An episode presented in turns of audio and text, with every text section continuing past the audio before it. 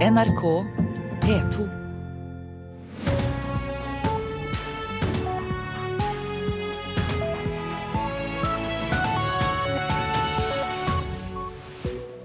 Så tar vi fatt på Nyhetsmorgen denne mandagen. I studio, Øystein Heggen. Du får uh, mer om det du hørte til slutt i Dagsnytt, at uh, forsvarssjefen vil privatisere deler av Forsvarets oppgaver.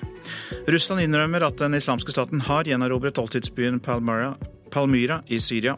SV foreslår en granskningskommisjon om urett begått mot samer. Og amatørforsker fant stjernestøv. Hør om partiklene fra solsystemets barndom som kanskje ligger i takrenna di hjemme. Forsvarssjef Håkon Bull Hansen vil altså la private overta en rekke oppgaver for um, å nå regjeringens krav om å effektivisere for 40 milliarder kroner.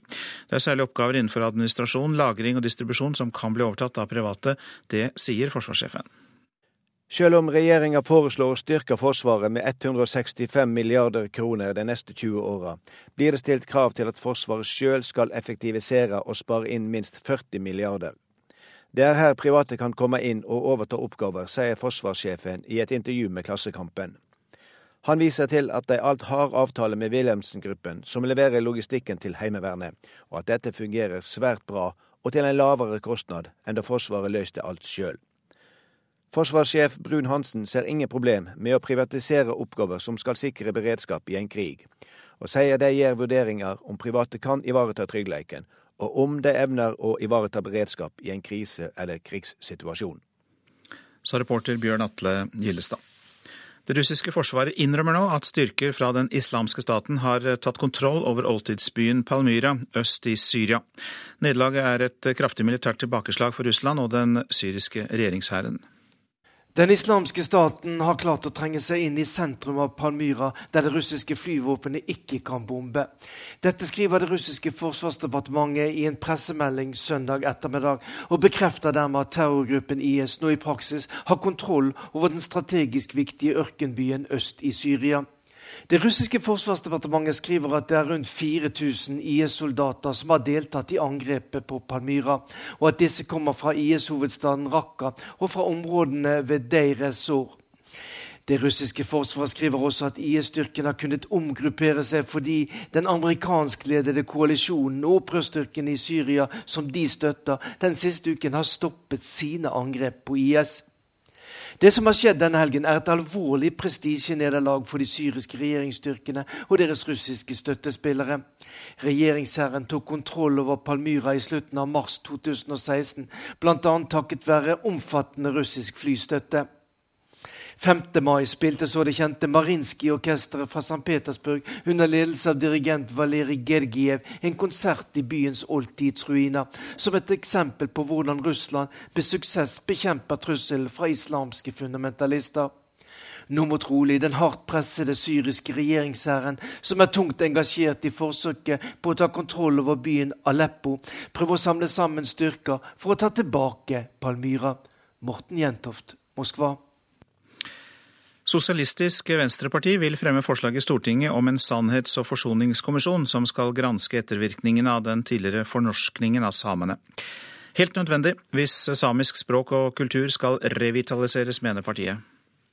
I dag må vi beklage den urett den norske stat tidligere har påført det samiske folk gjennom en hard fornorskningspolitikk.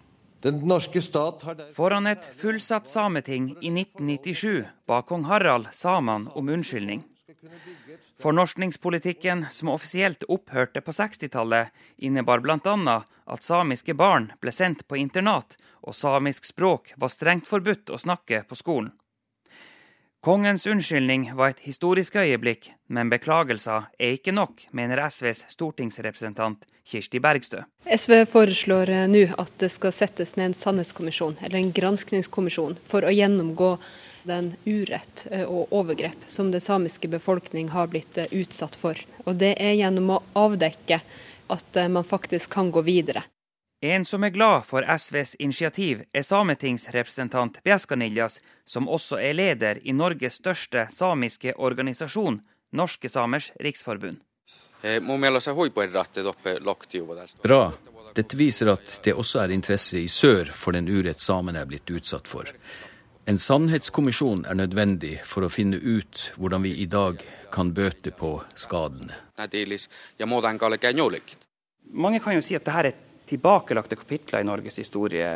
Er det behov for en sånn her kommisjon? Vi har en generasjon som fikk eh, sitt språk slått ut av kroppen sin. Den neste generasjonen eh, fikk eh, språket frarøvet pga. fortielse. Eh, så det er klart at så er det faktisk viktig. Til slutt SVs stortingsrepresentant Kirsti Bergstø der, og reportere var Tor Emil Skanke og Dan Robert Larsen. Hva skriver avisen om i dag? Vi titter først på Adresseavisen. Barnevernet henla saker uten å undersøke dem, er oppslaget der. I bydelen Østbyen i Trondheim ble 40% av bekymringsmeldingene henlagt i fjor høst, noe som er dobbelt så høyt som normalt. Trondheim kommune forklarer det med høyt arbeidspress og mye fravær blant de ansatte. En robot kan erstatte 40 bankansatte, kan vi lese i Dagens Næringsliv. En av konserndirektørene i Sparebank1 SR-Bank eh, har vært i USA og tok med seg en bankrobot hjem som kan bruke sin kunstig intelligens til å erstatte mange kundebehandlere. VG forteller om hvilke sykdommer nordmenn over 50 år frykter mest. Langt de fleste, nærmere 40% frykter Alzheimers sykdom. Deretter kreft med 30% Lidelser som kroniske smerter, depresjon og hjerte-karsykdommer er de neste på lista. Jødeflukt til Tyskland er oppslaget i Vårt Land. Under annen verdenskrig flyktet jøder til Storbritannia, men etter brexit har mange etterkommere søkt om tysk statsborgerskap. Grunnen de oppgir er økt rasisme i Storbritannia. Avløserkutt er tema i Nasjonen. Regjeringen vil avvikle tilskuddet til bøndenes avløsningsordning for ferie og fritid. Forslaget viser at regjeringen ikke tar velferdsordningene og rekrutteringen til bondeyrket på alvor. Det mener en av dem som kan bli rammet, Sven Reiersen, som er bonde i Setesdal. Flere flyktningleirer i Hellas er i ferd med å bli ubeboelige, mens landene i Europa krangler om hvem som skal ta imot flyktningene, skriver Aftenposten. Bare 8100 av de 160 000 flyktningene i Hellas som venter på et nytt oppholdssted, er fordelt fram til nå, altså. Innbyggerne i Øst-Aleppo frykter Assads hevn, kan vi lese om i Dagsavisen. Når regjeringsstyrken er i ferd med å knekke opprørerne, kan det være dødsdommen for mange sivile i den syriske byen, som frykter at de kan bli sett på som fiender av regimet. Håndball må vi høre mer om selvfølgelig etter gårsdagens kamp, for nå lukter det semifinale, sier Nora Mørk. Norge slo så vidt Danmark 22-20 i hovedrunden i EM. Og Norge var klart i føringen i store deler av kampen, men så holdt de på å rote det bort. Kommer skåringen nå, så vinner Norge! Kommer skåringen nå, så vinner Norge! Nora Mørk, inntil fra Fjord! Og så går den i mål! Og så går den i mål! Via Sandra Tomt! 22-20! Det, det lukter litt semifinale, det gjør det. Og det å begynne mot Danmark i dag, som også kom inn som gruppevinner, det, det visste vi kom til å bli tøft og en nøkkelkamp for vår del. Da. En småskadet Nora Mørk kunne trekke et lettelsens sukk etter at de norske jentene avgjorde kampen i sluttminuttene. Danmark brukte andre omgang til å spise opp Norges ledelse, men 30 sekunder før slutt kom målet som trolig sender håndballjentene til semifinale. Camilla Herrem er likevel forsiktig optimist. Nei, altså Vi tenker ikke så veldig mye på den semifinalen uh, nå allerede. For at vi har liksom Ungarn og Tsjekkia igjen, så jeg syns de lagene der har spilt bra. Uh, for min del så vil jeg bare ta de kampene som kommer nå, og så får vi heller se hva som skjer etterpå. De norske jentene møter Ungarn i morgen og Tsjekkia på onsdag i hovedrunden. NRKs håndballekspert Øystein Havang mener det ikke skal være mulig for Norge å rote bort semifinaleplassen. Ja, Da må de eh, underprestere, definitivt. Eh, vi har sett eh, de lagene de skal møte i de to neste kampene, og de er ikke i nærheten av Norge på normal dag, så det er egentlig det som gjelder. Å spille vanlig god håndballkamp. Og reporter var Hilde Liengen. Klokka har passert 6.42. Dette er hovedsaker. Forsvarssjef Håkon, private, Håkon Brun Hansen vil la private overta en rekke oppgaver for å nå regjeringens krav om å effektivisere for 40 milliarder kroner. Det russiske forsvaret innrømmer at styrker fra den islamske staten har tatt kontroll over oldtidsbyen Palmyra øst i Syria. Sosialistisk Venstreparti vil ha en sannhets- og forsoningskommisjon som skal granske ettervirkningene av den tidligere fornorskningen av samene. DNA-profiler fra uskyldige i kriminalsaker skulle slettes, men Riksarkivet mener det er verdifullt arkivmateriale som må tas vare på. Mer om det etter klokka sju. Forskere har lett etter stjernestøv i over 100 år uten å finne noe annet enn eh, noe dypt nede i isen på Sydpolen. Men eh, Jon Larsen, du har funnet det. Velkommen. Takk for det. Hei, hei. Vi kan vel kalle deg amatørforsker, og du har vel eh, skapt en sensasjon med å fortelle hvordan støvet kan oppdages. Uh, ja, hvordan? Det kan finnes med enkle midler på ethvert hustak, faktisk. Og det hører med til historien at man har visst at dette stjernestøvet, altså små mineralpartikler fra ytre verdensrom, at det finnes overalt. Og mange har lett etter det, som du sa, men det er ingen som har funnet det. Men nå viser det seg at det er mulig å finne det med helt enkle midler. Og det, denne oppdagelsen har skjedd i Norge. Klatrer du opp i takrenna med en støvsuger, eller hva gjør du for å få tak i det? Ja, det, det, kunne jeg ha gjort, men jeg går rett og slett til verks når det er tørt i været, og bruker magneten og trekker ut uh, magnetiske partikler fra både takrenna og flate tak, feier det sammen, og så gjennomgår det en prosess, og så er det å leite etter nåla i høystakken. Men hva bruker du det til? Er det bare ren nysgjerrighet, eller bruker du det til noe? I utgangspunktet så har det vært eh, nysgjerrighet, men dette er jo noe av det mest eksotiske eh, steinmaterialet som fins. Eh, det er det mest langreiste stoffet som fins. Det er det eldste stoffet som fins. Og det å få tilgang på det, og kunne forske videre på det, er, det er av stor vitenskapelig betydning. Ja, for dette er jo egentlig da vi kaller det stjernestøv, for det er jo gøy å si. Men uh, mikrometeorer er vel det korrekte navnet, kanskje? Ja, eller mikrometeoritter, da, når det er blitt stein. Uh, ja. Uh, det man kan spekulere på, og som denne oppdagelsen åpner for, det er hvilken betydning disse mikrometeorittene har spilt i jordas historie. F.eks. er det mikrometeorittene som har levert vannet vårt og atmosfæren vår. Det kan man eh, forske videre på nå. Eh, disse mikrometeorittene som vi finner overalt, og alle kan finne dem, de inneholder også komplekse organiske molekyler, som bl.a. Eh, aminosyrer. Og da kan man jo lure på Hvis man har fire aminosyrer, så kan man jo konstruere et DNA. Og hvilken rolle har disse mikrometeorittene spilt uh, under det, det, at det har oppstått liv på jorda? Det... Går, går forskerne løs på dette materialet? Å ja. Eh, NASA har forska på dette her, eh, altså på det materialet de har funnet på Sydpolen i mange år. Og har jo brukt milliarder av dollar eh, på å sende ut romsonder både til kometer og asteroider for å hente dette rare materialet. Men, så de er litt sånn overraska over at det går an å finne det rett og slett på taket der de har sittet i alle årene. Så i, så i februar så er jeg blitt invitert til å komme over til eh, Johnson Space Center for å feie takene på hangarene der hvor rakettene ligger, i eh, Houston, Texas. For å se om vi kan finne dette eksotiske materialet. Men er det så enkelt som at du tenkte med deg selv at nå gjør vi dette med en magnet? Finner ja. det med en magnet? Trekker det til oss? Eh, ja, det har vært visst eh, at de inneholder litt jern og nikkel. Uh, akkurat sånn som jorda, som har uh, antag... Altså det er, dette er restmateriale fra solsystemets begynnelse. Og alt det jern og nikkelet som har til slutt kladda seg sammen og blitt til planeten jorda, det ligger nå i kjernen. Men ute i det restet, opp, opprinnelige bygge, små, små byggesteinene, der ligger nikkel og jern på overflaten, og det er magnetisk. Hvor små er de? Kan vi se dem med det blotte øyet? Å ja da. Eh, det vil si eh, med briller, da. Men eh, det er som et lite punktum. De kjenner det veldig godt med fingeren hvis de ruller på det på et papir. Men du må ha forstørrelsesglass eller mikroskop for å virkelig se hvordan de ser ut. Helt til slutt så må jeg jo spørre om hvordan du havnet borti dette her, for du har jo bakgrunn som musiker.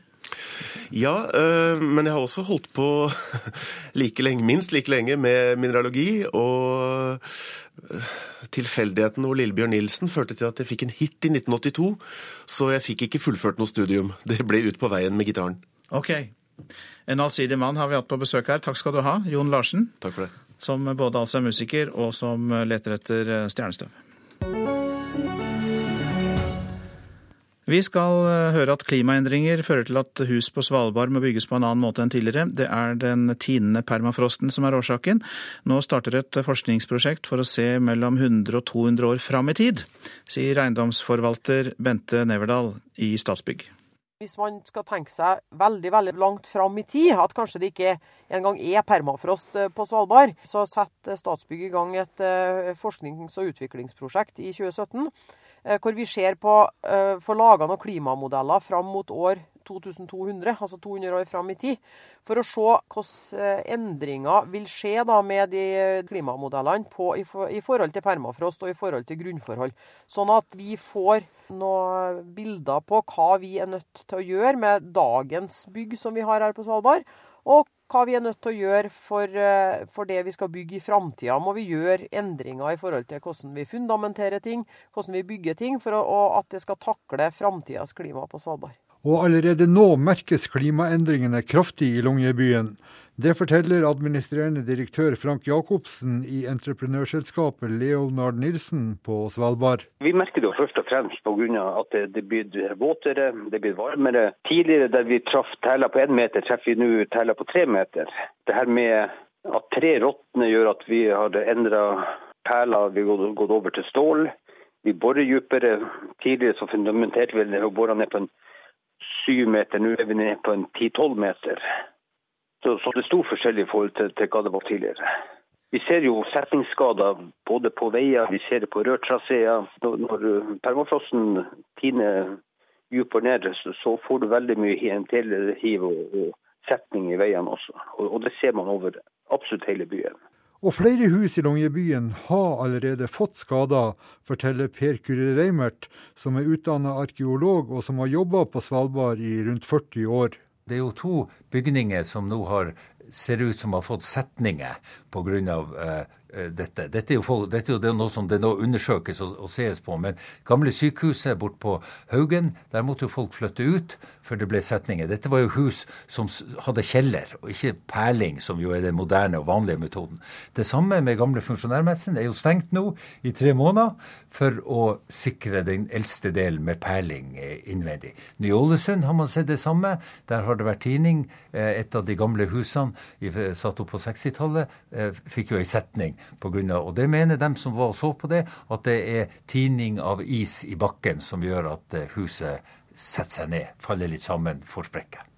Kulturhistorisk så slår eh, klimaendringene inn for fullt på Svalbard.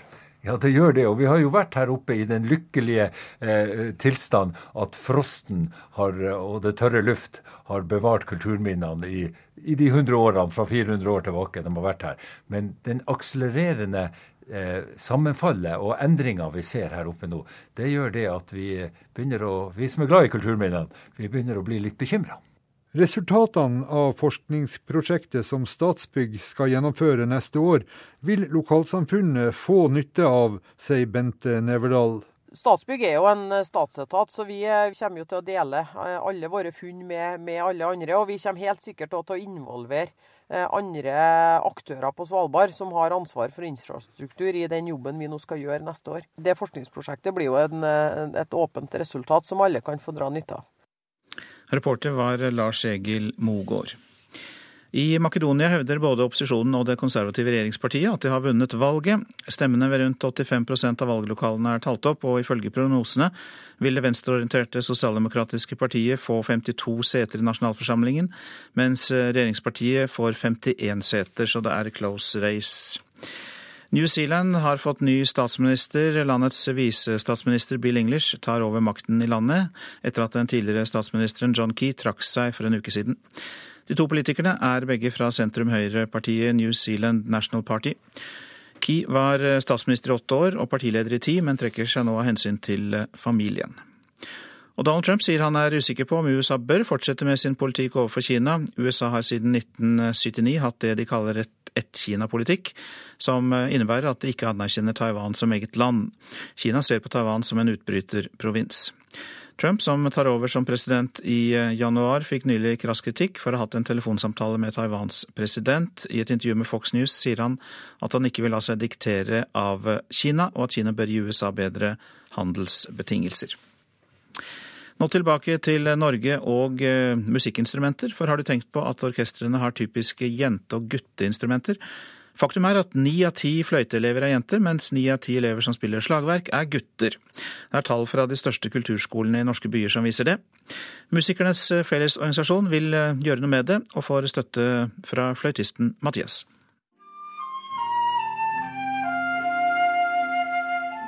Jeg tenker det egentlig er en ganske dum ting. For at det lager et rollebilde som at jenter er de som spiller mye fløyte, eh, og at derfor gutter ikke tør å gjøre det. Sier den 13 år gamle fløytisten Mathias Sonkas. Han er en av få gutter som spiller fløyte her til lands. Noe han synes er synd. Og for de få som spiller, da, så blir det jo veldig ensomt. NRK har henta inn tall fra de kommunale kulturskolene i åtte av landets største kommuner. Fra Tromsø i nord via Oslo til Kristiansand i sør. Resultatene er entydige. Ni av ti elever som spiller trommer, bass og gitar, er gutter. Mer enn ni av ti fløytister og sangere er jenter. Nei, jeg skulle jo ønske at han kanskje var litt mer at jenter syns at bass er like kult som å spille, eller som å synge, da. Det sier Maja Vik, som er en av Norges mest profilerte bassister. Kanskje man kan være litt flinkere på kulturskoler rundt om, og kanskje noen som bør gå inn og si at kanskje vi kan heller spille et annet instrument som trommer, da. Maja Vik får støtte fra Musikernes Fellesorganisasjon, MFO, som mener kjønnsfordelinga på instrument ikke kan holde fram slik. Det har noe å si at vi uh, får et bredere kulturliv, vi får andre uttrykk, vi får andre historier, og det trenger vi for å få et så rikt kulturliv som mulig. Det sier Hans Ole Rian, leder i MFO. De fleste begynner å spille et instrument ganske tidlig. Derfor må vi sette inn eh, mest energi og krefter tidlig i løpet. Da er det i grunnskolen, og kanskje spesielt i kulturskolen, at vi må sette inn de sterkeste kreftene. Norsk kulturskoleråd, som er en landsomfattende organisasjon, har ikke noen overordna strategi på dette området. De sier de ikke har fått noe signal på at kulturskolene etterlyser nasjonale tiltak, og viser til at tiltak for kjønnsfordeling per nå vil være opp til den enkelte kulturskole. Fra kulturskolens side så har vi registrert at det er sånn. Det sier Olav Kjøk, rektor ved Oslo musikk- og kulturskole. Ja, Vi har ikke noen nye tiltak opp mot det, som sagt. Vi har mer enn nok med å prøve å tilby kulturskoleundervisning så mye vi kan innen de rammene vi har. Og sånn som for Oslos vedkommende, så er jo den største utfordringen at vi har lange ventelister. Riktignok er kjønnsforskjellene noe mindre når det gjelder blåseinstrument, enkelte strykeinstrument og piano. Er fløyte et jentete instrument? Hvis du tenker på språk, så er det faktisk eh, Altså, det er feminin. Ellers så synes jeg det passer for begge kjønn. Reportere Ruth Einervold Nilsen og Lisa Stokke. I Trondheim er det fiberfeber, i hvert fall er det navnet på utstillingen av norsk tekstilkunst på Nordenfjelske kunstindustrimuseum. Tekstilkunst er i vinden som aldri før, og gallerier fra hele verden ønsker å låne verker fra museets samlinger. Og den utstillingen Fiberfeber åpnet før helgen.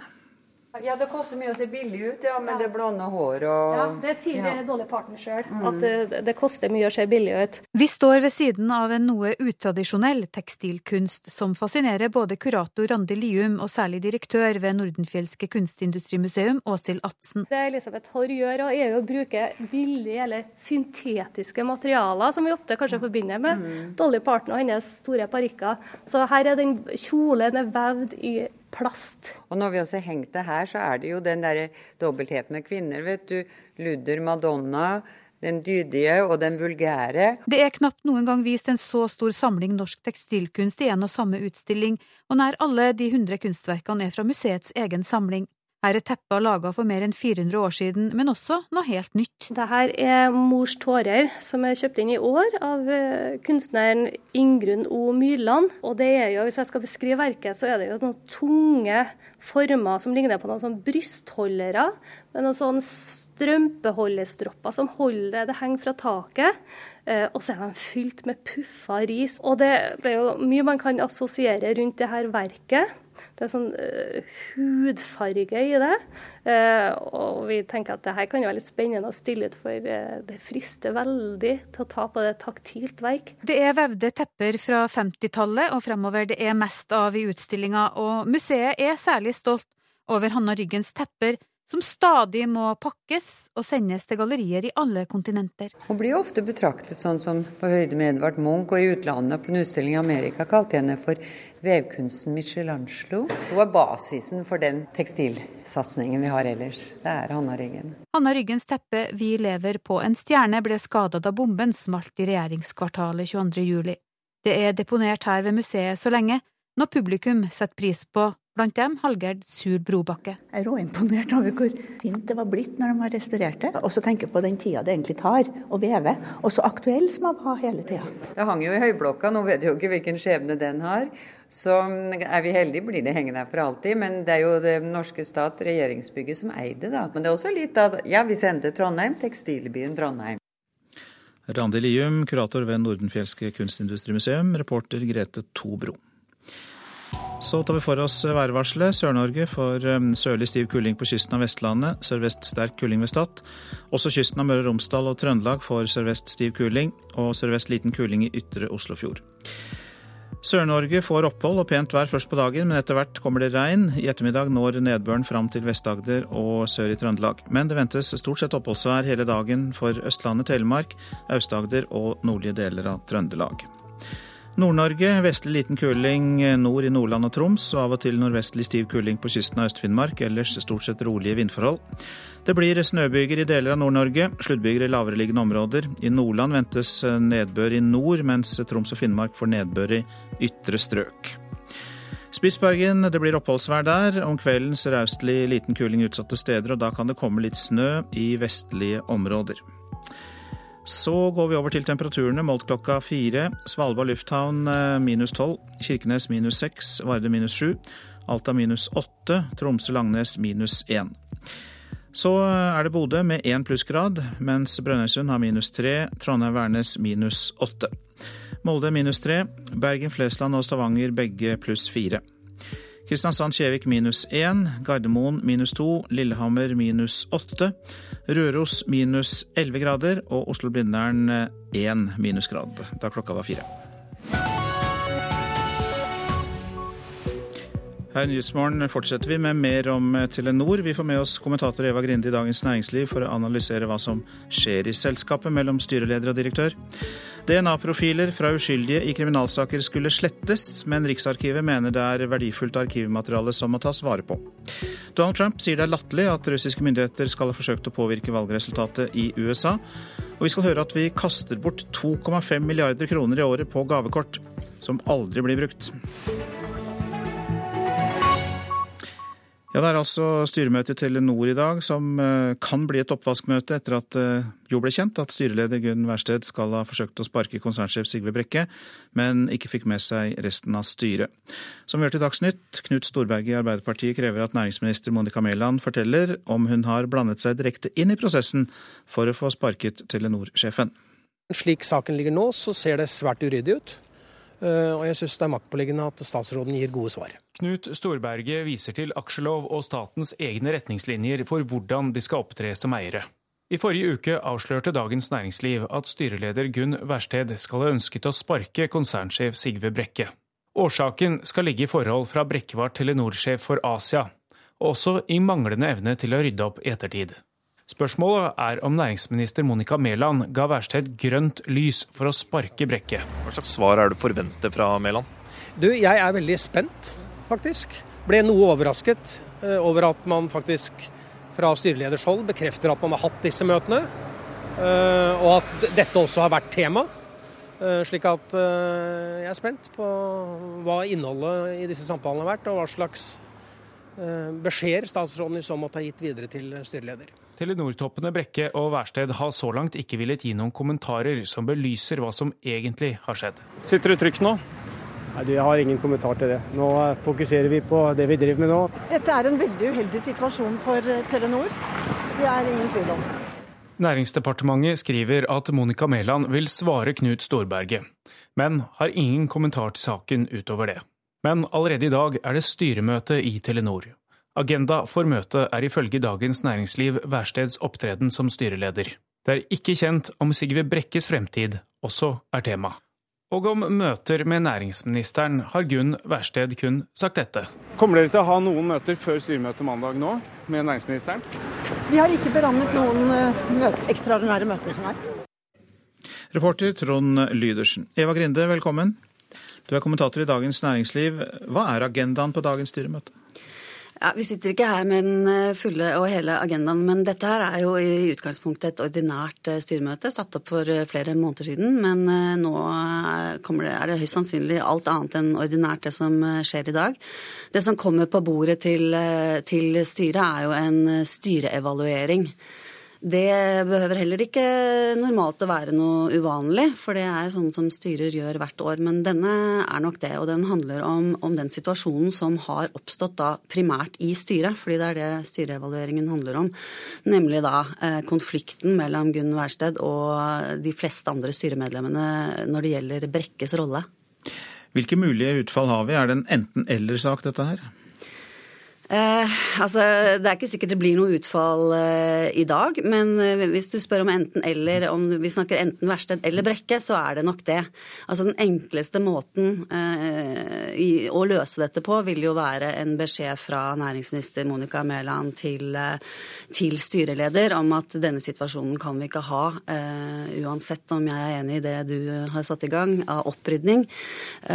så du må trekke deg. Og da, da vil man få en ny situasjon situasjon. Eh, nå har jo Monica Mæland Storberget spør jo nå om svar, men hun har jo også, det har jo blitt bekreftet at hun har vært underrettet underveis. Og hun har ikke foreløpig gitt noe sånn beskjed til styreleder. Så her eh, virker det som man prøver å få til en annen løsning, og da kan det bli langt mer komplisert plutselig. Fordi næringsministeren skal ikke inn og, og skifte på sjefer i Telenor. Ja, Men da er det spørsmål om det er eh, å holde seg underrettet eller påvirke, da? Ja, det er det. Fra Mellans side? Ja, det er det. Det er et stort spørsmål. I hvilken grad har hun hatt en, en, aktiv rolle og et klart ønske som hun har gitt beskjed om. Men det er jo klart at da, da Versted ble satt inn, så var det jo et ønske om å få orden eh, i Telenor. Det har blåst eh, mye der med mange saker. Eh, man ville på en måte gå inn i alle kriker og kroker og få, få alt på, på, rett kjøl. Så hun er jo i utgangspunktet næringsministerens eh, valg. Er dette en sak der dere i Dagens Næringsliv dere har jo skrevet uh, mye om dette, der dere har fått mye informasjon fra begge parter, altså at det er en kamp om nyhetsbildet her? Altså, Saken har jo vart mye lenger enn den har vært kjent. sånn at Den startet jo ikke selvfølgelig med at den kom ut. Uh, men ja, det kan jeg bekrefte, at vi har kilder på, på, alle sider i den saken. der sånn. Så, så oppgaven for journalister alltid i sånne saker er jo å å ettergå det som blir sagt, og eh, å finne fakta og dokumentasjon for det. Også litt om grunnlaget for at det kommer opp. Dette er jo dette med tillit til eh, Brekke eller ikke. Er det primært hans fortid eh, som Asia-sjef? Det, det, er det som blir sagt, at det er, har vært flere saker. Det er altså En som vi skriver om i dag, så kom det jo en gransking på bordet til styret i høst om forholdene i Thailand. Eh, der det har vært noen uregelmessigheter i forbindelse med leieavtaler. Eh, det er én, og det snakkes om at det er eh, flere. Og så var det jo ikke noe veldig bra sak for, for Brekke, det som kom opp om CV-pyntingen. Så har det vært en god del kritikk av, av taklingen av VimpelCom-saken. Ja, det, det, er en, rekke og rad av saker som gjør at han har vært omstridt. Det er altså styremøte i eh, dag, og eh, takk for at du kom, Eva Grinde, og eh, orienterte oss. Så er det Lilla Sølhusviks tur. Du har kommet inn i studio. Du er programleder for Politisk kvarter om en ja, 7.45 blir det. Og det er vel eh, det samme dere skal snakke om? Ja, vi må jo nesten det. Telenor er faktisk et av verdens største mobilselskap, og staten eier over halvparten av aksjene. Og da vil mange si at næringsminister Monica Mæland må gå inn og rydde opp i det bråket vi ser. Men Trygve Hegnar, som kommer til oss, mener politikerne generelt, og Monica Mæland spesielt, må la styret ordne opp sjøl. Han møter leder i næringskomiteen, som tvert imot syns det er rart om staten som eier skal ha mindre meninger om hvordan et selskap skal styres, enn en privat eier ville hatt. Og så skal vi snakke om taxfree-ordningen, for det ligger an til å bli et flertall på Stortinget i dag. Og de bestemmer for å utrede om Vinmonopolet nå må ta over alkoholsalget på flyplassene. Det syns Frp er en dårlig idé. Politisk kvarter klokka 7.45.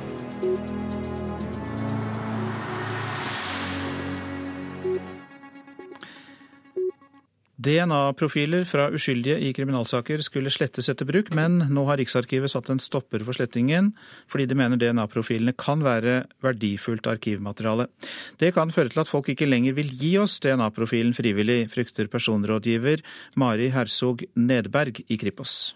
Kripos har jo et ønske om å slette DNA-profiler fortløpende, i tråd med regelverket. En DNA-profil kan være et avgjørende bevis i kriminalsaker, fordi den så sterkt kan knyttes til en enkeltperson. Derfor tar politiet DNA-prøver også for å utelukke uskyldige og raskere finne gjerningsmannen. De her frivillig avlagte prøvene kalles referanseprofiler, og inkluderer prøver bl.a. fra voldtektsofre og en del vitner i kriminalsaker. Men de skal slettes etterpå, fastslår avdelingsdirektør i Datatilsynet Jørgen Skårstad. Disse konkrete DNA-profilene, referanseprofilene, skal slettes når formålet med innhentingen og innsamlingen av dem er oppfylt. av. Kripos er enig og er opptatt av å følge de her reglene, sier Mari Hersog Nedberg. Og Det oppleves jo som et krysspress både for Kripos og FHI da Riksarkivet kom med den henstillinga om at DNA-profiler ikke lenger skal slettes i påvente av at man får en avklaring men hva kan konsekvensen være for Kripos og politiet dersom disse profilene ikke blir sletta? Vi i politiet er jo avhengig av tillit i befolkninga for at vi skal kunne få de DNA-prøvene som vi trenger for å kunne gjøre jobben vår. Det er klart at I ytterste konsekvens, hvis ikke befolkninga har tillit til at vi behandler opplysninger sånn som regelverket sier at vi skal gjøre det, så får vi problemer i, i større alvorlige saker. Alle DNA-prøver fra uskyldige skulle være sletta før 1.2 neste år. Men nå er slettearbeidet stoppa opp, mens Justisdepartementet til slutt må avgjøre hvem som har rett. Men Datatilsynet minner om at dette er profiler av uskyldige. Og Da mener vi det er ekstra viktig at akkurat disse, disse profilene blir slettet, fordi vedkommende som har avgitt eh, DNA-materialet for analyse, ikke har noen tilknytning til det straffbare forholdet som foranlediget innhentingen av DNA-prøver. Reportere Kjartan Røslett og Arild Færås. KrF vil at Vinmonopolet skal ta over salg av alkohol på taxfree-butikkene ved norske flyplasser, og nå har partiet fått med seg et flertall på Stortinget for en utredning. Næringskomiteen skal stemme over forslaget i dag. Arbeiderpartiets luftfartsansvarlige Kjell Idar Juvik ønsker en utredning. Nei, Det er for at vi syns det er greit å få en utredning. Landsmøtet til Arbeiderpartiet sa allerede i 2015 at vi vil vurdere å se om Vinmonopolet kunne ta over alkoholsalget på taxfree-butikkene.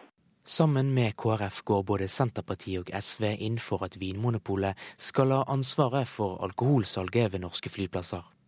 Også Venstre er positiv. Får de med seg Arbeiderpartiet, kan KrFs forslag få flertall mot regjeringen Solberg, som vil bevare dagens ordning. Men betyr det at det også blir konklusjonen til Arbeiderpartiet? Nei, da har vi ikke behøvd å ha det utredning. Vi må utrede hva dette betyr, sånn at ikke her går utover over omsetninga og for så vidt inntektene, som er det avgjørende i forhold til Avinor. I dag har Travel Retail Norway kontrakt med Avinor ut 2022. I fjor fikk Avinor 2,5 milliarder kroner fra selskapet for retten til å drifte taxfree-salget. Sa reporter Eirik Tufteland Kroken. Klokka går mot 7.15. Eh, Dette er eh, hovedsaker. DNA-profiler fra uskyldige i kriminalsaker skulle slettes, men Riksarkivet mener det er verdifullt arkivmateriale som det må tas vare på. Knut Storberget i Arbeiderpartiet vil vite om næringsminister Monica Mæland har blandet seg direkte inn i prosessen med å få sparket Telenor-sjefen. Og vi har hørt at KrF vil at Vinmonopolet skal ta over salg av alkohol ved taxfree-butikkene. Ved norske flyplasser altså, og har fått med seg et flertall på Stortinget for å vedta en utredning om dette. Donald Trump sier det er latterlig at russiske myndigheter skal ha forsøkt å påvirke valgresultatet i USA gjennom å hacke e-postserveren i Det demokratiske partiet.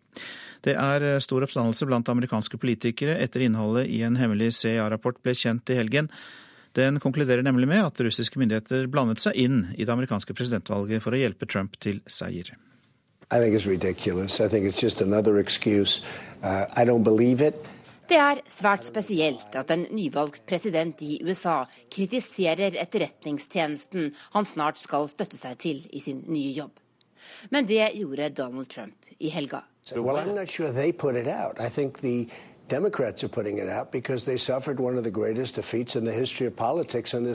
Jeg tror ikke det er CIA, men Det demokratiske partiet som har skaffet til veie disse opplysningene, sa Trump i et intervju med Fox News. Om anklagene om at russiske myndigheter skal ha forsøkt å påvirke valget slik at han vant. Andre, også i det republikanske partiet, er langt mer urolige over rapportene fra CIA, som slår fast at russiske agenter leverte hackede e-poster fra folk i Clinton-kampanjen til Wikileaks, med det mål å forsøke å hjelpe Donald Trump til å vinne. The Russians, uh, they intended to uh, interfere to the degree that they were trying to elect a certain candidate. I think that's a subject of investigation. Senator John McCain er blant dem som ber om en full tverrpolitisk granskning. Det har lenge vært kjent at den demokratiske partiorganisasjonen er blitt utsatt for hacking. The New York Times skrev lørdag at også republikanernes sentrale e-postserver er blitt hacket av russerne. Men det avviser Reince Prebus, som inntil nylig var generalsekretær i det republikanske partiet, og som snart vil bli stabssjef for Donald Trump. Han mener dette er et bevis på at han ikke kan stole på rapporteringen om CIA-rapporten. President Obama har også fått kritikk for først nå, etter valget, å be om en full gjennomgang av hackingen. Hans etterfølger Donald Trump på sin side understreket i går at demokratene bare er dårlige tapere.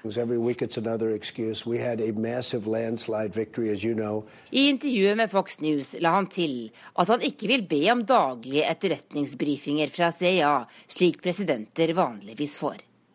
Jeg er en smart person og trenger ikke å bli fortalt det samme hver dag i åtte år, sa den påtroppende presidenten. Tove Bjørgaas, Washington. Og det er altså slik da at eh, republikanerne i Senatet slutter seg til demokratene som vil granske meldingene om russisk innblanding. Moskva-korrespondent Morten Jentoft, du er eh, med oss eh, fra Russland. Og har denne saken vakt stor oppmerksomhet der du er? Det er klart at den har i høyeste grad blitt registrert i løpet av helgen. Mange her ser på dette som nok et eksempel på eh, det hysteri som er i USA mot Russland eh, akkurat nå. Samtidig så kommer det jo også meldinger fra andre land, bl.a. Tyskland, eh, om at hackere med tilknytning til Russland Det er jo viktig å understreke at selv ikke CIA kan stadfeste hvem som står bak dette og hva slags forbindelse de har direkte til den russiske staten. Men at også i Tyskland har det vært eksempler på at man har gått inn inn og få tak i sentrale dokumenter da, i den politiske eliten. Sånn at eh, dette blir selvfølgelig eh, registrert her, men, mm, men, som ventet så er det ingen offisielle kommentarer på dette. her, og Det er nok en del også da som godter seg litt og sier det at se hvor flinke russiske hackere er eh, rundt omkring i verden. Vi er best på dette. Det, har det vært noen kommentarer også? La oss skue litt framover, da, Jentoft. Tror du forholdet mellom Russland og USA vil forandre seg under Trump-administrasjonen? Det er jo det som uh, også har vært en stor sak uh, her i helgen. Det har vært mye diskutert dette om uh, Rex Tillerson, sjefen for Exxon Mobile, det store oljeselskapet. Hvis han blir utenriksminister, at da Russland og president Vladimir Putin vil få en god venn da i den sentrale amerikanske administrasjonen. Tillerson han er jo et velkjent ansikt her borte i USA. Exxon Mobile har et tett samarbeid med den russiske oljegiganten Rosneft neft. Og at Tillerson har jo møtt også Putin en, en, en rekke ganger. sånn at eh, man er nok uh, veldig spent på om de kontaktene som man har hatt tidligere med nå, personer som kan komme til å sitte sentralt i den amerikanske administrasjonen, om det kan være det som skal til for å få um, det skakkjørte forholdet mellom USA og Russland på skinner igjen. Takk skal du ha for at du var med oss, Moskva-korrespondent Morten Jentoft. Etter en helg med harde kamper i Syria gjenerobret terrorgruppen IS i går den antikke byen Palmyra for eh, annen gang. Det var en vakker konsert som ble holdt den 6. mai i år, i det antikke teatret i oldtidsbyen Palmyra. For etter at syriske regjeringsstyrker med hjelp fra russiske bombefly hadde klart å gjenerobre den antikke byen, brukte de den som et symbol på at kampen mot IS var i ferd med å seire. Men etter en helg med intense kamper mellom IS og regjeringsstyrkene, klarte det selverklærte kalifatet i dag atter en gang å ta kontroll over hele den antikke byen, som de hadde kontrollert i nesten ett år, frem til slutten av mars. For de voldsomme kampene som pågår mot opprørerne i Aleppo, har mobilisert en stor del av Assads styrker. Og dette er noe IS-soldatene benyttet seg av i helgen, da de tok tilbake den historiske byen som står på Unescos liste over verdensarv. Og det sa reporter Tobias Fossheim Winskjold. Så skal vi eh, si litt om det avisene er opptatt av i dag. Innbyggerne i Øst-Aleppo frykter Assads hevn, kan vi lese i Dagsavisen. Når regjeringsstyrken er i ferd med å knekke opprørerne, kan det være dødsdommen for mange sivile i den syriske byen, som frykter at de kan bli sett på som fiender av regimet. Barnevernet henla saker uten å undersøke dem, er oppslaget i Adresseavisen. I bydelen Østbyen i Trondheim ble 40% av bekymringsmeldingene henlagt i fjor høst, noe som er dobbelt så høyt som normalt. Trondheim kommune forklarer det med høyt arbeidspress og mye fravær blant de ansatte. En robot kan erstatte 40 bankansatte, kan vi lese i Dagens Næringsliv. En konserndirektør i Sparebank1 SR Bank er tilbake fra USA med en bankrobot som kan bruke sin kunstige intelligens til å erstatte mange kundebehandlere. VG forteller om eh, hvilke sykdommer nordmenn over 50 frykter mest. Langt eh, de fleste, nærmere 40% frykter Alzheimers sykdom mest, deretter kreft med 30% Lidelser som eh, kroniske smerter, depresjon og hjerte-karsykdommer fryktes mindre. De kommer på de neste plassene. Jødeflukt til Tyskland er oppslaget i Vårt Land. Under annen verdenskrig flyktet jøder til Storbritannia. Men etter brexit har mange av etterkommerne søkt om tysk statsborgerskap. Grunnen er økt rasisme i Storbritannia, sier de. Forsvarssjefen vil slippe til flere private, skriver Klassekampen. Når Håkon Brun-Hansen må spare inn 40 milliarder kroner, vurderer han å privatisere mange av Forsvarets tjenester. Logistikken til Heimevernet er allerede satt ut til et privat firma. Avløserkutt er tema i Nasjonen. Regjeringen vil avvikle tilskuddet til bøndenes avløserordning for ferie og fritid. Forslaget viser at regjeringen ikke tar velferdsordningene og rekrutteringen til bondeyrket på, alvor, mener en av dem som kan bli rammet, Svein Reiersen, som er bonde i Setesdal. Flere flyktningleirer i Hellas er i ferd med å bli ubeboelige, mens landene i Europa krangler om hvem som skal ta imot flyktningene, skriver Aftenposten. Bare 8100 av de 160 000 flyktningene i Hellas som venter på et nytt oppholdssted, er eh, fordelt. I Syria har regjeringsstyrkene tatt kontroll med Sørøst-Aleppo, og har dermed tatt kontroll med 90% av de områdene som opprørerne hadde kontroll på. Det er The Syrian Observatory for Human Rights eh, som melder dette, og de baserer seg på kilder inne i den krigsherjede byen. Hvert eneste minutt smeller det fra granater i Aleppo nå. Stridsvognene ruller inn i trange gater. Bak følger syriske regjeringssoldater, som skyter seg fram fra gatehjørne til gatehjørne. De har nå tatt kontroll med det meste av de områdene opprørerne har hatt til nå i de østlige delene av byen, som de har hatt siden 2012. Den store offensiven mot Aleppo startet for en måned siden med hjelp av russiske bombefly. Et forsøk på våpenhvile strandet i helgen. Over 13 000 sivile har forlatt området de siste 24 timene, ifølge russiske myndigheter. Når Aleppo faller, blir et nytt vendepunkt i krigen.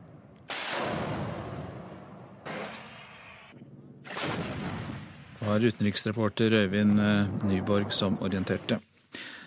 Nordmenn kaster bort totalt 2,5 milliarder kroner i året på gavekort som aldri blir brukt, ifølge Forbrukerrådet. Gavekort er populære julegaver, men mange av dem blir liggende ubrukt til tidsfristen har gått ut og pengene er bortkastet.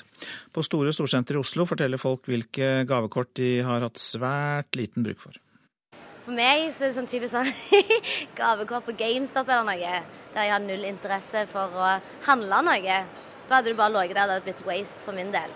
Det er et veldig vanskelig spørsmål, men kanskje noe sånn Teknikkmagasinet, noe der. Det dummeste jeg kunne kjøpe? Ingenting, tror jeg. Jeg tror jeg hadde brukt alt.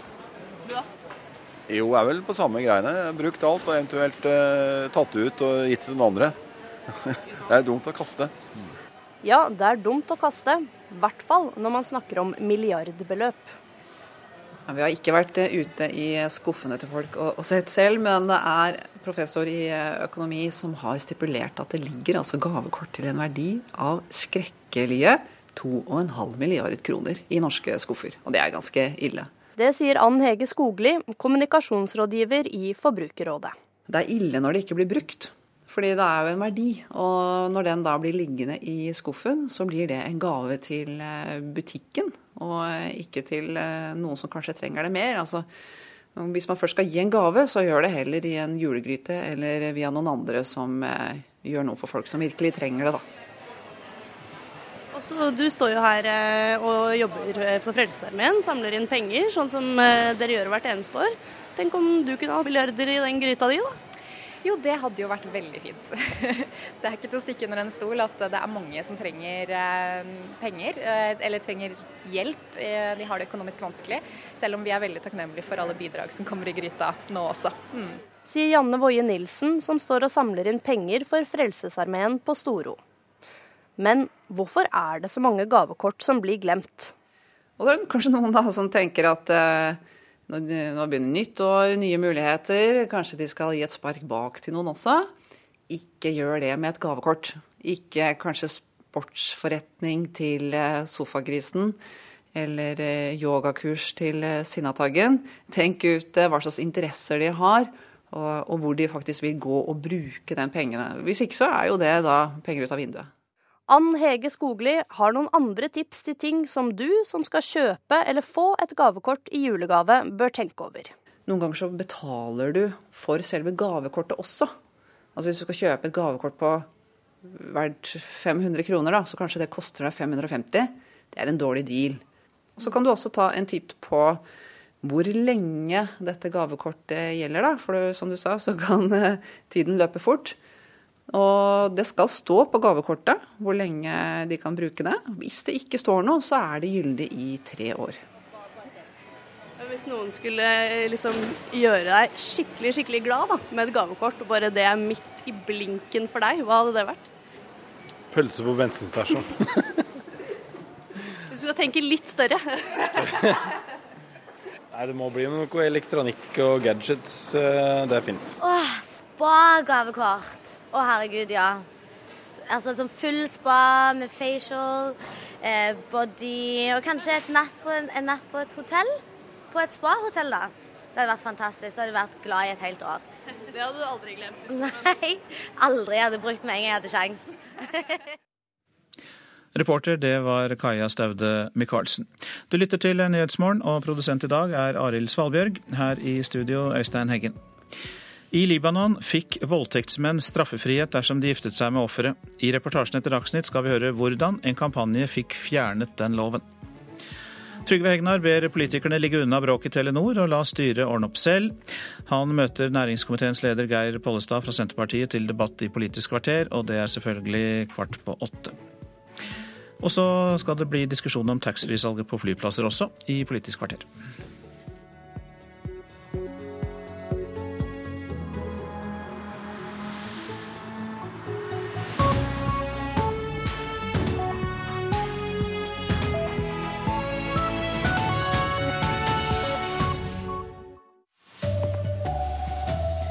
Arbeiderpartiet krever at næringsministeren svarer på hva slags rolle hun har hatt i striden mellom styreleder og toppsjef i Telenor. Donald Trump tror ikke på CIA når de sier at Russland prøvde å påvirke det amerikanske valget. Og Norge er på god vei mot semifinale i håndball-EM, selv om de nesten rotet bort seieren mot Danmark. Her er NRK Dagsnytt klokken 7.30. I dag er det styremøte i telegiganten Telenor. Et møte som kan bli et oppvaskmøte etter at styreleder Gunn Wærsted skal ha forsøkt å bli kvitt konsernsjef Sigve Brekke, men ikke fikk med seg styret. Knut Storberget i Arbeiderpartiet krever at næringsminister Monica Mæland forteller om hun har blandet seg direkte inn i prosessen for å få sparket Telenor-sjefen. Slik saken ligger nå, så ser det svært uryddig ut. Og jeg syns det er maktpåliggende at statsråden gir gode svar. Knut Storberget viser til aksjelov og statens egne retningslinjer for hvordan de skal opptre som eiere. I forrige uke avslørte Dagens Næringsliv at styreleder Gunn Wærsted skal ha ønsket å sparke konsernsjef Sigve Brekke. Årsaken skal ligge i forhold fra Brekke var Telenor-sjef for Asia, og også i manglende evne til å rydde opp i ettertid. Spørsmålet er om næringsminister Monica Mæland ga Wærsted grønt lys for å sparke Brekke. Hva slags svar er det forventet fra Mæland? Du, jeg er veldig spent, faktisk. Ble noe overrasket uh, over at man faktisk fra styreleders hold bekrefter at man har hatt disse møtene. Uh, og at dette også har vært tema. Slik at uh, jeg er spent på hva innholdet i disse samtalene har vært, og hva slags beskjeder statsråden i så måte har gitt videre til styreleder. Telenor-toppene Brekke og Værsted har så langt ikke villet gi noen kommentarer som belyser hva som egentlig har skjedd. Sitter du trygt nå? Nei, Jeg har ingen kommentar til det. Nå fokuserer vi på det vi driver med nå. Dette er en veldig uheldig situasjon for eh, Telenor. Det er ingen tvil om. Næringsdepartementet skriver at Monica Mæland vil svare Knut Storberget, men har ingen kommentar til saken utover det. Men allerede i dag er det styremøte i Telenor. Agenda for møtet er ifølge Dagens Næringsliv Værsteds opptreden som styreleder. Det er ikke kjent om Sigve Brekkes fremtid også er tema. Og om møter med næringsministeren har Gunn Værsted kun sagt dette. Kommer dere til å ha noen møter før styremøtet mandag nå med næringsministeren? Vi har ikke berammet noen eh, møte, ekstraordinære møter. Nei. Reporter her var Trond Lydersen. Kommentator i Dagens Næringsliv Eva Grinde, vil dagens styremøte gi noe svar på hva slags rolle Mæland har hatt? Nei, det er det ingen grunn til å, å være sikker på. Fordi eh, Monica Mæland er jo eh, ikke del av det styremøtet og det de skal snakke om i dag.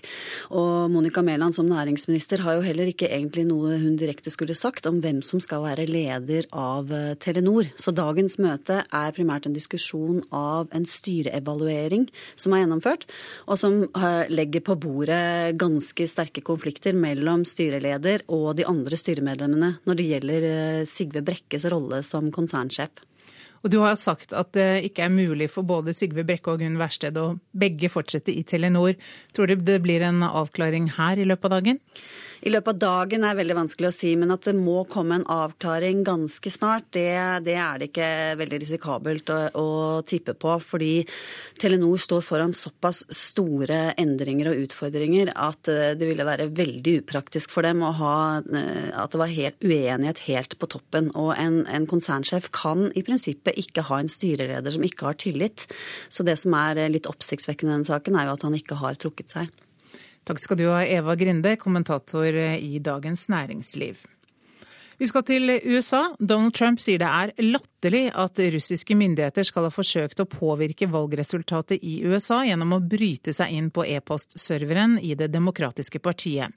Amerikanske politikere reagerer kraftig etter at innholdet i en hemmelig CIA-rapport ble kjent i helgen. Den konkluderer med at russiske myndigheter blandet seg inn i det amerikanske presidentvalget for å hjelpe Trump med å vinne.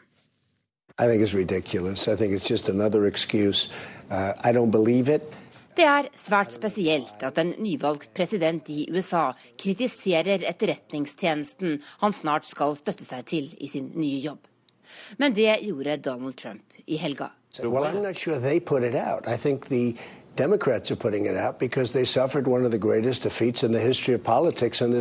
Jeg tror ikke det er CIA, men Det demokratiske partiet som har skaffet til veie disse opplysningene, sa Trump i et intervju med Fox News. Om anklagene om at russiske myndigheter skal ha forsøkt å påvirke valget slik at han vant. Andre, også i det republikanske partiet, er langt mer urolige over rapportene fra CIA, som slår fast at russiske agenter leverte hackede e-poster fra folk i Clinton-kampanjen til Wikileaks, med det mål å forsøke å hjelpe Donald Trump til å vinne. The Russians uh,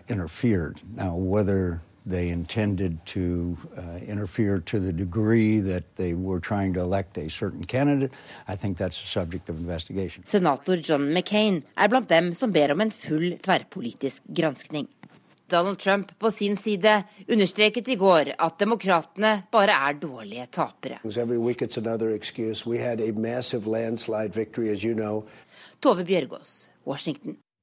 DNA-profiler fra uskyldige i kriminalsaker skulle slettes etter bruk, men nå har Riksarkivet stoppet slettingen fordi de mener profilene er verdifullt arkivmateriale.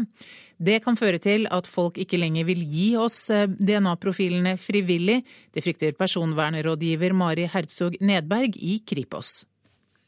Vi i politiet er jo avhengig av tillit i befolkninga for at vi skal kunne få de DNA-prøvene som vi trenger en DNA-profil kan være et avgjørende bevis i kriminalsaker, fordi den så sterkt kan knyttes til en enkeltperson. Derfor tar politiet DNA-prøver også for å utelukke uskyldige og raskere finne gjerningsmannen. De her frivillig avlagte prøvene kalles referanseprofiler, og inkluderer prøver bl.a. fra voldtektsofre og en del vitner i kriminalsaker. Men de skal slettes etterpå, fastslår avdelingsdirektør i Datatilsynet Jørgen Skårstad. Disse konkrete DNA-profilene, referanseprofilene, skal slettes når formålet med innhentingen og innsamlingen av dem er oppfylt. av. Kripos er enig og er opptatt av å følge de her reglene, sier Mari Hersog Nedberg. Det er klart at I ytterste konsekvens, hvis ikke befolkninga har tillit til at vi behandler opplysninger sånn som regelverket sier at vi skal gjøre det, så får vi problemer i, i større alvorlige saker. Alle DNA-prøver fra uskyldige skulle være sletta før 1.2 neste år. Men nå er slettearbeidet stoppa opp, mens Justisdepartementet til slutt må avgjøre hvem som har rett. Men Datatilsynet minner om at dette er profiler av uskyldige. Referanseprofilene vil være DNA-profiler av uskyldige, som ikke har hatt noe å gjøre med en straffbar handling. Reportere Kjartan Røslett og Arild Færås. KrF får støtte for forslaget om å la Vinmonopolet ta over alkoholsalget på taxfree-butikkene ved norske flyplasser. Flertallet på Stortinget ønsker nå en utredning om dette. KrFs Hans Olav Syversen sier det er viktig at Vinmonopolet står sterkt. Det er fordi det har vært en veldig viktig ordning i Norge som har stor oppslutning. Og jo mer av salget som går utenfor eh, Vinmonopolet, jo farligere lever polet. Så dette er viktig for norsk eh, alkoholomsetning og politikk. Sammen med KrF går både Senterpartiet og SV inn for at Vinmonopolet skal ha ansvaret for alkoholsalget ved norske flyplasser. Også Venstre er positiv. Får de med seg Arbeiderpartiet, kan KrFs forslag få flertall mot regjeringen Solberg, som vil bevare dagens ordning. Nei, Det er for at vi syns det er greit å få en utredning. Landsmøtet til Arbeiderpartiet sa allerede i 2015 at vi vil vurdere å se om Vinmonopolet kunne ta over alkoholsalget på taxfree-butikkene. Det sa Arbeiderpartiets luftfartsansvarlig Kjell Idar Juvik, reporter Eirik Tufteland Kroken. Det lukter semifinale nå, det sier Nora Mørk etter at Norge så vidt slo Danmark 22-20 i hovedrunden i håndball-EM. Norge var i føringen i store deler av kampen, men holdt på å rote bort seieren. Kommer skåringen nå, så vinner Norge! Kommer skåringen nå, så vinner Norge! Nora Børg inntil Frafjord! Og så går den i mål! Og så går den i mål! Via Sandra Toft! 22-20! Det, det, lukter litt semifinale, det gjør det. Ja, og det å begynne mot Danmark i dag, som også kom inn som gruppevinner, det, det, visste vi kom til å bli tøft og en nøkkelkamp for vår del. Da. En småskadet Nora Mørk kunne trekke et lettelsens sukk etter at de norske jentene avgjorde kampen i sluttminuttene. De norske jentene møter Ungarn i morgen og Tsjekkia på onsdag i hovedrunden.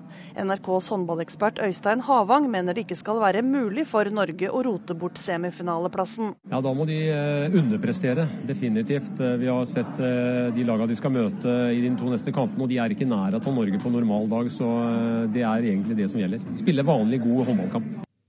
Reporter her Hilde Liengen. Ansvarlig for NRK Dagsnytt Ulf Tannes Fjell. I studio Marit Selmer Nedrelid. Dette er eh, Nyhetsmorgen. I Libanon fikk voldtektsmenn straffefrihet dersom de giftet seg med offeret. I denne reportasjen skal vi høre hvordan en kampanje fikk fjernet den loven. Korrespondent Kristin Solberg har laget denne reportasjen.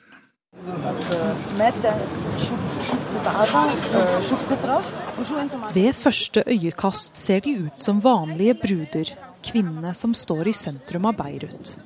De er kledd i hvite kjoler og med hvitt sjal. Og de er sentrum for oppmerksomheten til en liten gruppe mennesker og fotografer som har samlet seg rundt dem. Men det tar ikke lang tid å se at dette slett ikke er vanlige bruder. Kjolene er laget av bandasjer og gassbind Kvinnene har blodflekker på armer og ben.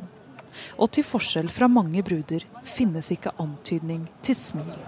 The whole idea is to say that um, well, a white dress doesn't cover the rape, and the white dress basically refers, of course, to marriage, to the wedding and to marriage. Det er Sulaima Mardam som snakker. Hun jobber for kvinnerettighetsorganisasjonen Abad, som står bak kampanjen med brudene. Slagordet er 'En hvit kjole dekker ikke over voldtekt'. For kvinnene på gatene i Beirut er ikke bruder, men aktivister som vil avskaffe artikkel 522 i den libanesiske straffeloven. Den sier at voldtektsmenn slipper straff hvis de gifter seg med offeret. So what it states exactly is that in case a rapist marries his uh, victim, then uh, all prosecutions against him shall be suspended, and also if he's been condemned, uh, well, the sentence is also suspended. So, Jeg møter Mardam på kontoret til Abad noen dager etter demonstrasjonen i sentrum.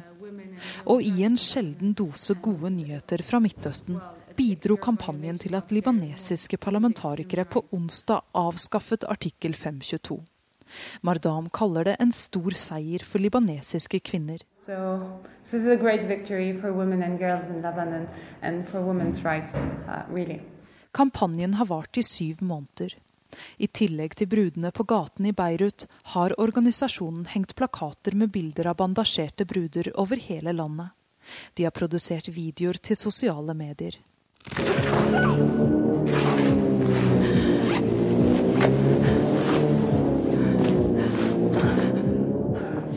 En av videoene vises en blodig kvinne som slenges i bakken og bandasjeres med tvang. Til slutt er hun kledd i en blodig brudekjole laget av gasspinn.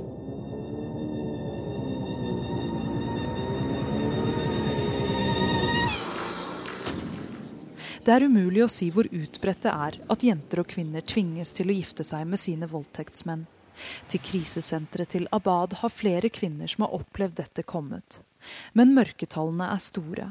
Mardam forteller at det gjerne skjer i regioner med mer tradisjonelle sosiale normer, og at foreldre tror de beskytter jentas og familiens ære ved å gifte henne til mannen som har begått overgrepet.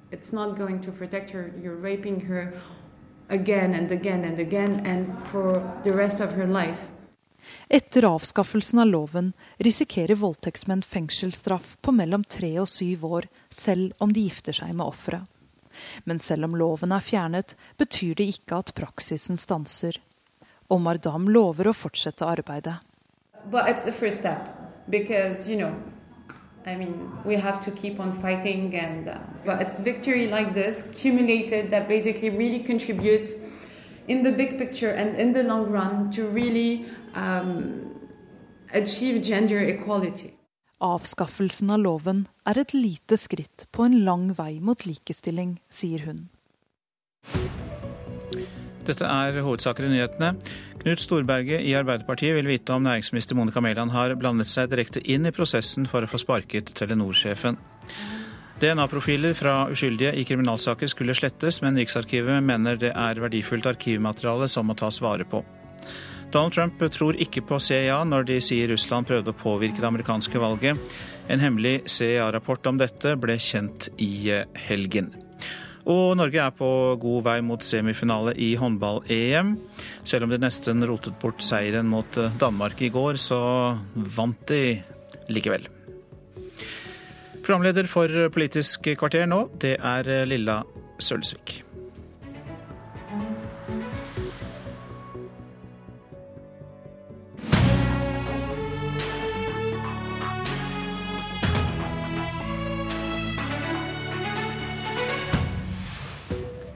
Politikere krever svar i Telenor-saken, men Trygve Hegnar ber dem holde seg unna. Bråket i ledelsen er ikke en politisk sak, mener han. Og stortingsflertallet vil utrede om Vinmonopolet skal ta seg av taxfree-salget på flyplassene. Vi starter med bråket i Telenor, der Dagens Næringsliv i flere dager nå har skrevet om at styreleder Gunn Wærsted ville kvitte seg med konsernsjefen Sigve Brekke, men at hun ikke fikk med seg styret på det. Dette er en veldig uheldig situasjon for Telenor. Det er ingen tvil om.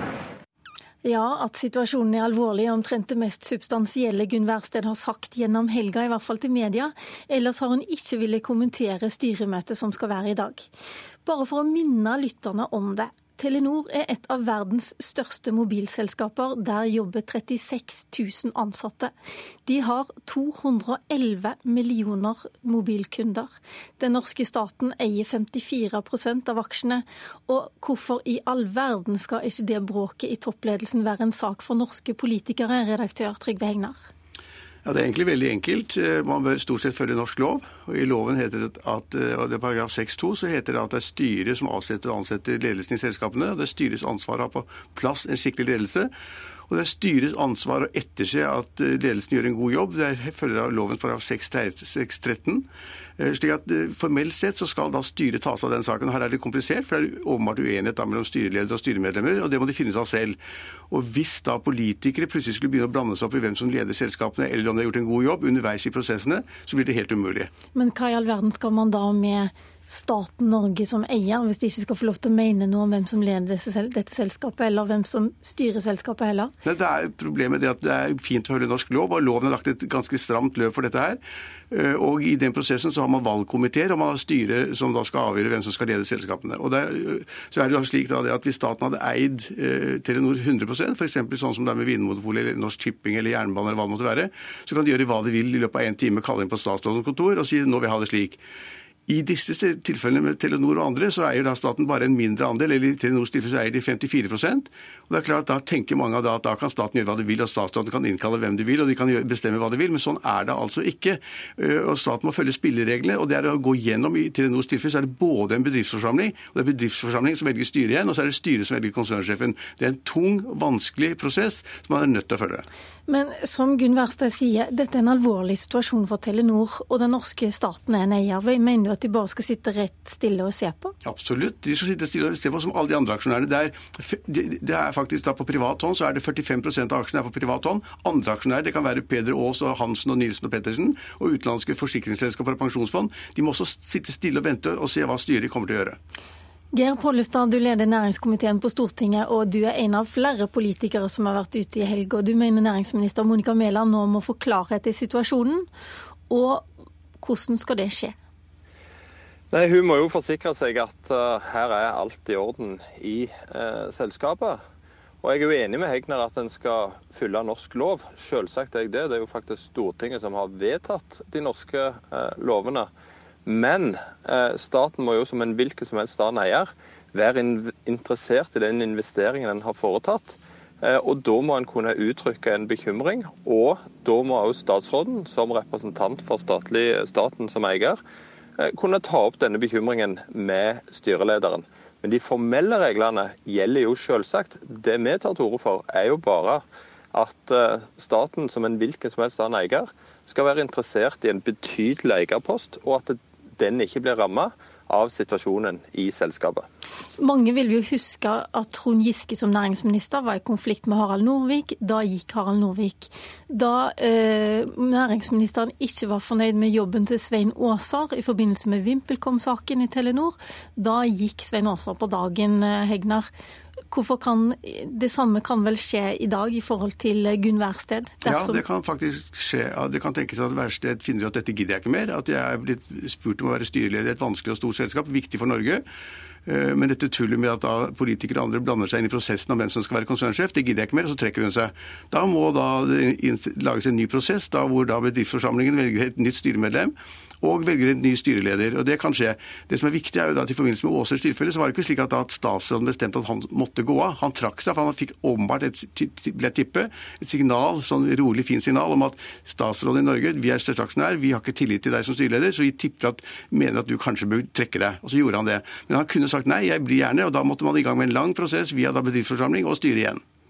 Vi har jo hørt ganske mye om at eh, Sigve Brekke har eh, altså Fortida hans som Asia-sjef skal være grunnen til at styrelederen ikke har tillit til han. Og De siste dagene har vi sett mer i avisene egentlig om hvordan Gunn Wærsted har opptrådt som styreleder, enn hva han angivelig har gjort eller ikke gjort i Asia. Hvordan skal denne saken løses, tror du, Pollestad?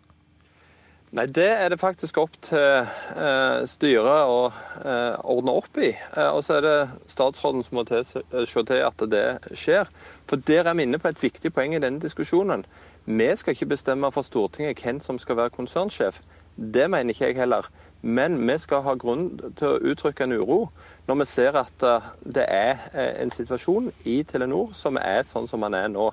Eh, og det er ingen tvil om at når det lekker f.eks. så mye som det gjør fra Telenor nå, så kan det være et tegn på at det er hull i båten. Da er det behov fra en eierperspektiv for å ivareta statens investeringer at eh, statsråden som statens representant bekymrer seg, tar dette opp med styrelederen.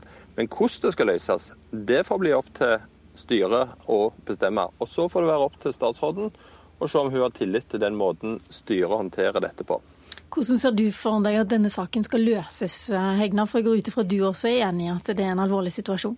Ja, det er en veldig alvorlig, alvorlig, situasjon, og den bør løses. Den kan løses ved at både styreleder og konsernsjef fortsetter. Det går an å ha uenighet om det, men det er litt vanskelig å se det for seg. Særlig fordi at det er så mange som ti av elleve styremedlemmer i Telenor åpenbart mener at Brekke er mannen som bør kunne fortsette, men styreleder mener at eh, konsernsjefen bør gå av. Så det er komplisert. Eh, så jeg vil tippe det at eh, innen rimelig kort tid, og hvis det kommer mer på bordet nå om det som har skjedd da i Thailand, i India osv., som da belastes Brekke fordi han var sjef for da Telenors Asia-virksomhet, så kan det sannsynligvis ende med at Brekke faktisk går av. Men det burde egentlig skjedd før. fordi at verste hadde en sjanse da, hun tiltrådte, og på en måte gå gjennom saken og finne ut på det tidspunktet om hun da hadde tillit til konsernsjefen. Hun gjorde ikke det. og Nå sitter hun da med at hun har styret imot seg, og det kan da like godt tenkes at hun da sier at jeg gidder ikke mer.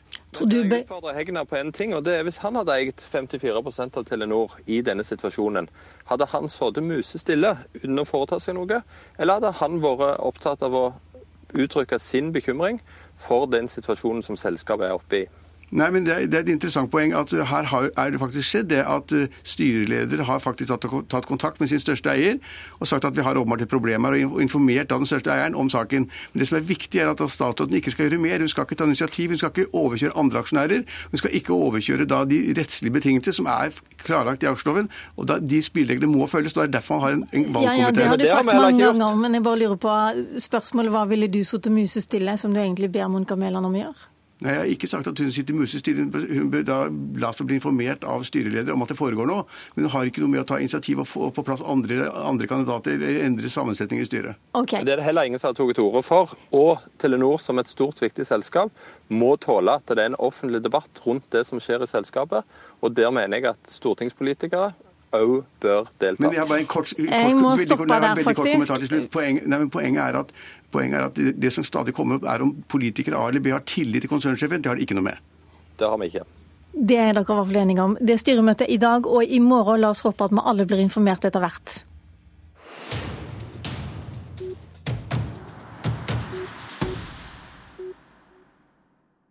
Flyplassene er blitt vår tids kjøpesenter. For å nå fram til kofferten du har med fra London og Paris, må du forbi hyller som bugner av akevitt, whisky og godteri. Og som vi hørte i Dagsnytt, vil KrF nå utrede om ikke taxfree-ordningen bør overtas av Vinmonopolet. Og nå ser det ut til at dere får flertall for det i dag. Hans Olav Syversen, du er stortingsrepresentant, sitter i finanskomiteen for KrF. Hva er argumentene for at Vinmonopolet skal overta? Ja, Det dreier seg jo da om uh, alkoholsalget, uh, bare så det er presisert. Ja, argu Argumentet er jo rett og slett at i Norge har vi et unntak fra det mange andre land har, og har fått lov til å ha det ut fra EØS-avtalen, nemlig å ha et vinmonopol, fordi det har vært en betydelig suksess. Uh, alkoholpolitisk og sosialpolitisk, som mange andre land misunner oss. Men når stadig mer omsetning skjer utenfor Vinmonopolet, så svekkes også Vinmonopolet. Og det ser vi også litt på salgstallene, dessverre. Så derfor, så når vi først skal ha taxfree, det kan man jo også diskutere, eh, så mener vi at tiden er kommet for å se på om ikke Vinmonopolet bør overta alkoholsalget ved våre flyplasser, også for å styrke Polets rolle, ikke bare der, men altså som institusjon i Norge. Og Det er det jo stor oppslutning om, både på Stortinget og i befolkningen, at Vinmonopolet er et eh, godt egnet redskap. Men strengt tatt så kunne vel du tenkt å legge ned taxfree-ordningen, er det noe sånt? Altså, regjeringen, alkohol. regjeringen uh, sier jo selv i budsjettet at det er mange gode grunner egentlig for å legge det ned, fordi uh, det genererer både mer trafikk, uh, ulike konkurransevilkår for de som reiser og ikke. Men nå er vi nok der at vi snakker om selve, selve salget. Og så tror jeg mange stortingspartier nå vurderer selve taxfree-salget i sine programprosesser, men det skal ikke jeg forskuttere.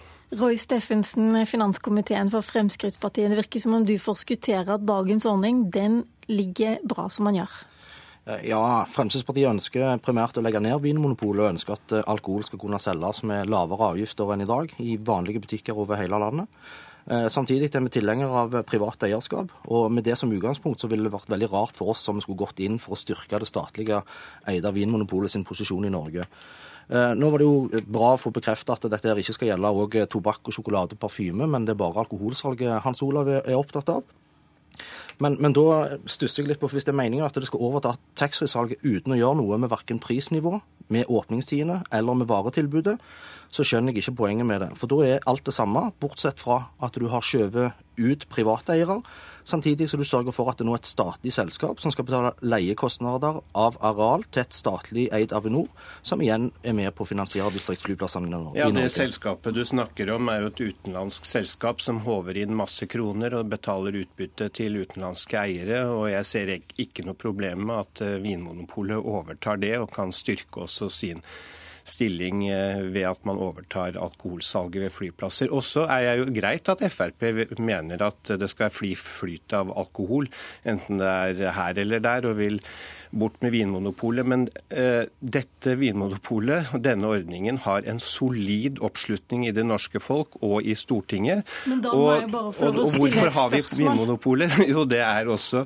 for at vi skal ha et sosialpolitisk aspekt. Og enhver ordning som svekker polet, vil også svekke vår mulighet til å beholde det som institusjon. Jeg må spørre for en venn. Blir det billigere eller dyrere alkohol med denne ordningen? Vil... Om polet overtar? Ja. Eh, det er ikke så lett for meg å si. De Hva skal jo drive på forretningsmessige Nei, ja. vilkår, men eh, så, så, er det kanskje ikke akkurat sånn at dette skjer, skjer i morgen. Ja. I, I, den rapporten som Hans Olav allerede har lest, så står det klart og tydelig at, at Vinmonopolet betaler 31% mer på innkjøp av vin og 71% mer på innkjøp av av eh, sprit enn det Travel Retail klarer å gjøre, fordi de har bedre innkjøpsavtaler. Så konsekvensen her er automatisk at prisen vil gå opp hvis Vinmonopolet skal overta. Det blir et rart kinderegg fra KrF som sier de er både et miljøparti og et distriktsparti. Fordi du vil få et kinderegg hvor du får at folk handler alkohol i utlandet istedenfor. Eh, husleieinntektene til Avinor vil bli redusert, noe som ødelegger flyplasstilbudet i distriktene. Og du vil få økt bagasje med at folk kjøper mer i utlandet, noe som vil føre til økte klimautslipp. Det er jo hyggelig å høre Frp tale private utenlandske eieres eh, sak så, så mye, men vi har vel kanskje også et problem hvis det er sånn at det er spriten som skal finansiere våre flyplasser, og det er jo en større debatt. Men helt Men jeg er helt sikker sånn på at, at Avinor får mer penger nå av taxfree-ordningen enn fra flyplassdrift? Ja, det er jo et stort paradoks. Og det bør vi faktisk diskutere, om ikke tiden er moden for å se på det. Og da må vi finne andre gode finansieringsordninger. Eh, men jeg har ikke noe tro på at eh, Vinmonopolet skal drive noe dyrere enn det det utenlandske selskapet gjør. De driver forretningsmessig godt, eh, og det ser alle som, som jo observerer polet. Men eh, jeg vet jo at Frp er for at eh, polet skal bort, og vinsalg og brennevinsalg skal i butikker osv. Så, videre, så at vi er uenige om dette her, er kanskje ikke så veldig overraskende. Nei, det er i hvert fall ikke veldig overraskende at noen vil ha bort alkoholsalget, og noen vil heller beholde det. Takk skal dere ha, Roy Steffensen og Hans Olav Syversen. Vår tid i dette politiske kvarteret ute. Eh, programleder i dag, det var Lilla Sølhusvik.